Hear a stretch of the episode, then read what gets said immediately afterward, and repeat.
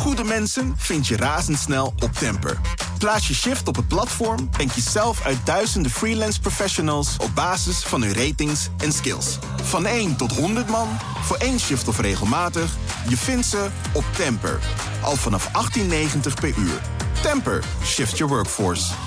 Dit is de Oekraïne Ochtend Update. Mijn naam is Geert-Jan Haan. En ik ben Bernard Hammelburg. We praten hierbij over de laatste ontwikkelingen in Oekraïne. En de gevolgen voor en de reacties van de buitenwereld. Je vindt deze podcast in je favoriete podcast-app.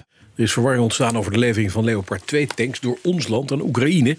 En dat gaan we onder meer bespreken in de Oekraïne-update met de buitenlandcommentator Bernard Hammelburg. Bernard, goedemorgen. Goedemorgen Bas. Allereerst het laatste nieuws over de Leopard tanks. Want wat ik hoor is dat er nou nu 14 gaan naar Oekraïne. Dat is niet echt veel, hè? Nee, het probleem is dat ze niet van ons zijn. die Leopard tanks zijn geleased van uh, Duitsland. Uh, en aanvankelijk was, denk ik, Nederland iets te enthousiast in het toezeggen van die tanks. Maar daar zijn uh, discussies over ontstaan. Net de Denen hebben hetzelfde probleem. Maar er zijn discussies ontstaan met Duitsland. Omdat Duitsland zegt: ja, wij willen ook proberen om zelf Leopard twee tanks te leveren. Uiteindelijk is het een Duits product. Alleen dat lukt nog niet zo hard. En enfin, er ontstond verwarring en die is er nog steeds. Um, mijn indruk is dat dat hele plan om Oekraïne op korte termijn van geavanceerde uh, tanks te voorzien helemaal in het water valt. Niet alleen door Nederland, maar ook de andere landen die wel willen, maar niet kunnen. Of die tanks hebben en die blijken eerst heel lang gerepareerd te moeten worden. Um, en dus wordt er nu ook teruggevallen op een ander type tank. Dat is de Leopard 1. Ja. Daar, daarvan, daarvan zijn er nog een heleboel. En dat is ook waar Nederland het over heeft. Ja, daar kunnen we er misschien met een paar landen samen wel iets van 100 bij elkaar vinden. Uh, maar ja, dat is een, een minder uh, Oud ding is dat, hè? Ja, ja, ja, ja het uit, uit begin van de jaren tachtig. Um, en uh, minder goed gepantserd, minder, minder uh, elektronica. Um, dus ja, dat is gewoon een, een, gaatje minder. Maar ik geloof dat dat hele idee in het water valt. Het heeft er ook mee te maken dat heel veel militaire deskundigen zeggen... ja, de, misschien neemt de noodzaak een beetje af... naarmate de, de kans op een um, al lange tijd verwacht Russisch luchtoffensief toeneemt. Hè. Dus er wordt nu de, die hebben de indruk dat uh, Rusland bezig is met het voorbereiden toch van iets met de luchtmacht. En dan heb je aan tanks weer niet zoveel. Nee. Nee, precies. Maar toch hebben de Duitsers hebben natuurlijk lang getalmd met het eh, beslissing nemen van gaan we leveren of niet. Is er ook iets van, hè, zeker omdat je zegt we leasen die dingen van de Duitsers. Ik weet ook dat de Duitsers, eh, of Rijnmetaal in ieder geval de Duitse staat, heeft in handen de beslissing om andere landen toestemming te geven om die tanks door te leveren aan weer andere landen. Heeft Duitsland hier niet een, een, een hele belangrijke rol in gespeeld? Of speelt hij niet een belangrijke rol? Hebben die niet een, ja. de, de kaart in handen om te zorgen dat ze dit wel snel kunnen organiseren? Ja, ik hoorde ook uh, al een week of wat geleden dat er in totaal iets van 2000 van die tanks, de, de, de Leopard 2 tanks, zijn geleverd aan, ik geloof, van 13 landen in Europa. En het oorspronkelijke plan was dat al die landen er dan een paar, een stuk of 10 ieder, zouden afstaan aan Oekraïne. En dan zitten ze op 100 tot 130 tanks. En dat is wat ze nodig hebben. Maar ook daar hoor je niets meer van. Dus mijn, hele, in, mijn indruk is dat uh, niet alleen de Duitsers, maar eigenlijk een groot deel van de Europese landen denkt uh, pas op de plaats te willen maken. Oké. En, en, Nederland heeft die toezegging ook gedaan. Hè? Wat heeft Ollongren, ja, maar, heeft er iets over gezegd?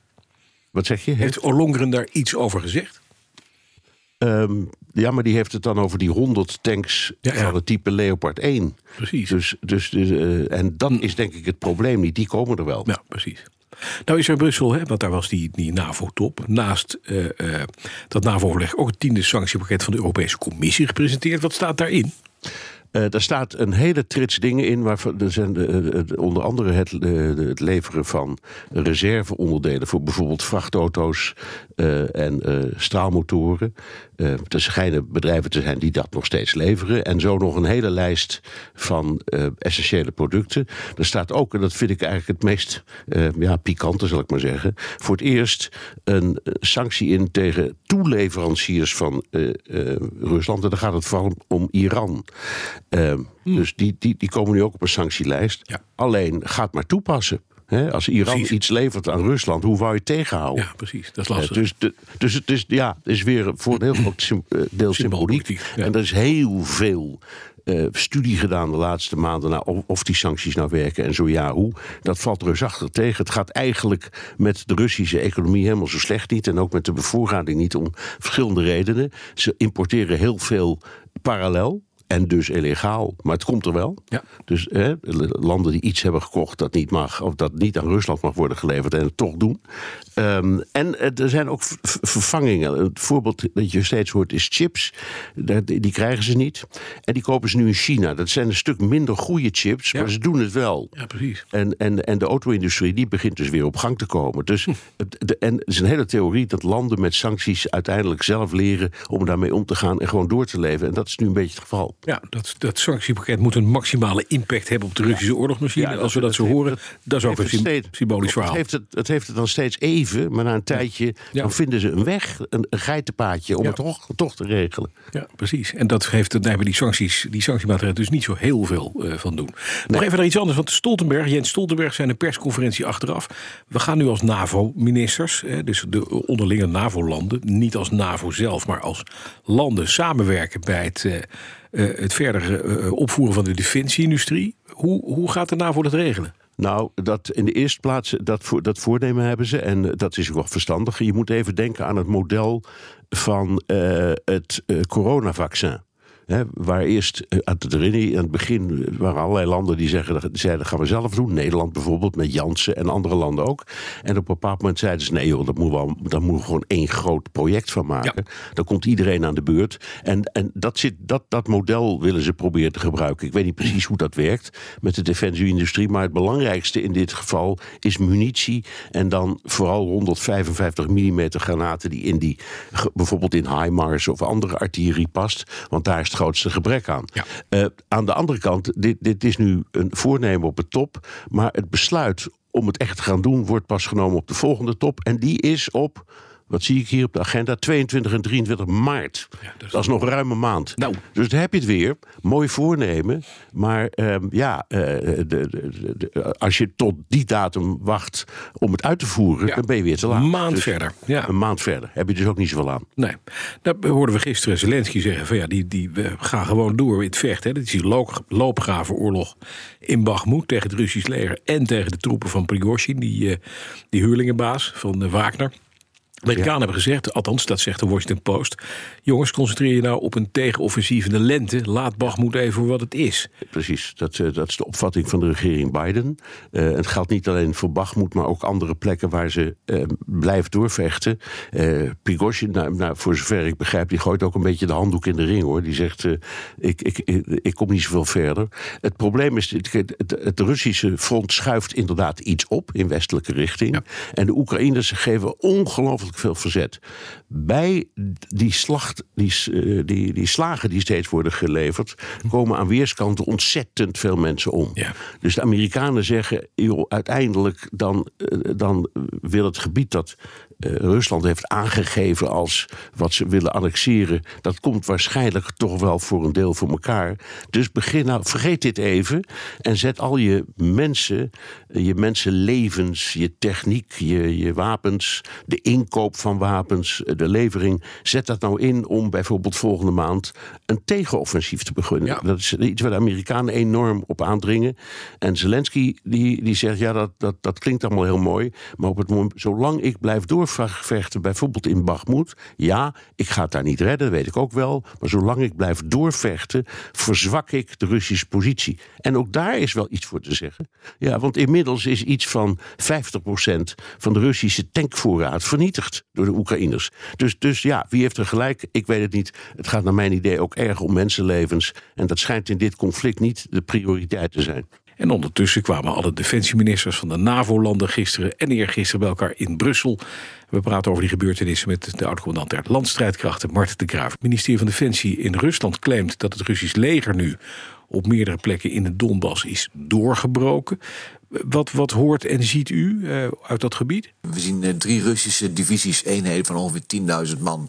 Met veel zware wapens, tanks en panzervoertuigen. daar in de omgeving nu uh, opereren. -hmm. Dus het verbaast mij niet dat de Russen het zwaartepunt van de opmars lijken te leggen. Niet in Donetsk, maar in Luhansk, zeg maar verder naar het noorden. Dat ja. is waar ze nu claimen, waar ze, door, waar ze een doorbraak hebben. Ja, Amerikanen zeggen ook, ja, die Russische troepen die nu aangevoerd worden, die lijken wel slecht toegerust, slecht getraind en ze krijgen oude rommel mee. Ja, die oude rommel komt natuurlijk uit de magazijn, omdat veel moderne Russische tanks en panzervoertuigen zijn uh, uitgeschakeld. Dus dat is ouder spul. Ja. En inderdaad, we moeten niet denken dat je reservisten op een vrij korte termijn zonder het gebrek aan ervaren kaderleden, dus officieren en onderofficieren, ook goed kunt trainen. Laat staan dat ze goed zijn gemotiveerd omdat ze uit huis zijn gehaald. Precies. Alleen ze zijn nu inderdaad daar bezig. Uh, dat is ook waarom de Amerikanen zeggen: concentreer je nou niet op dat Bagmoed, want dat is strategisch niet zo van belang. Maar zorg er nou voor dat je klaar bent voor een tegenoffensief in de lente. Dat zegt althans regering Biden, volgens de Washington Post. Hoe kijkt u daarnaar?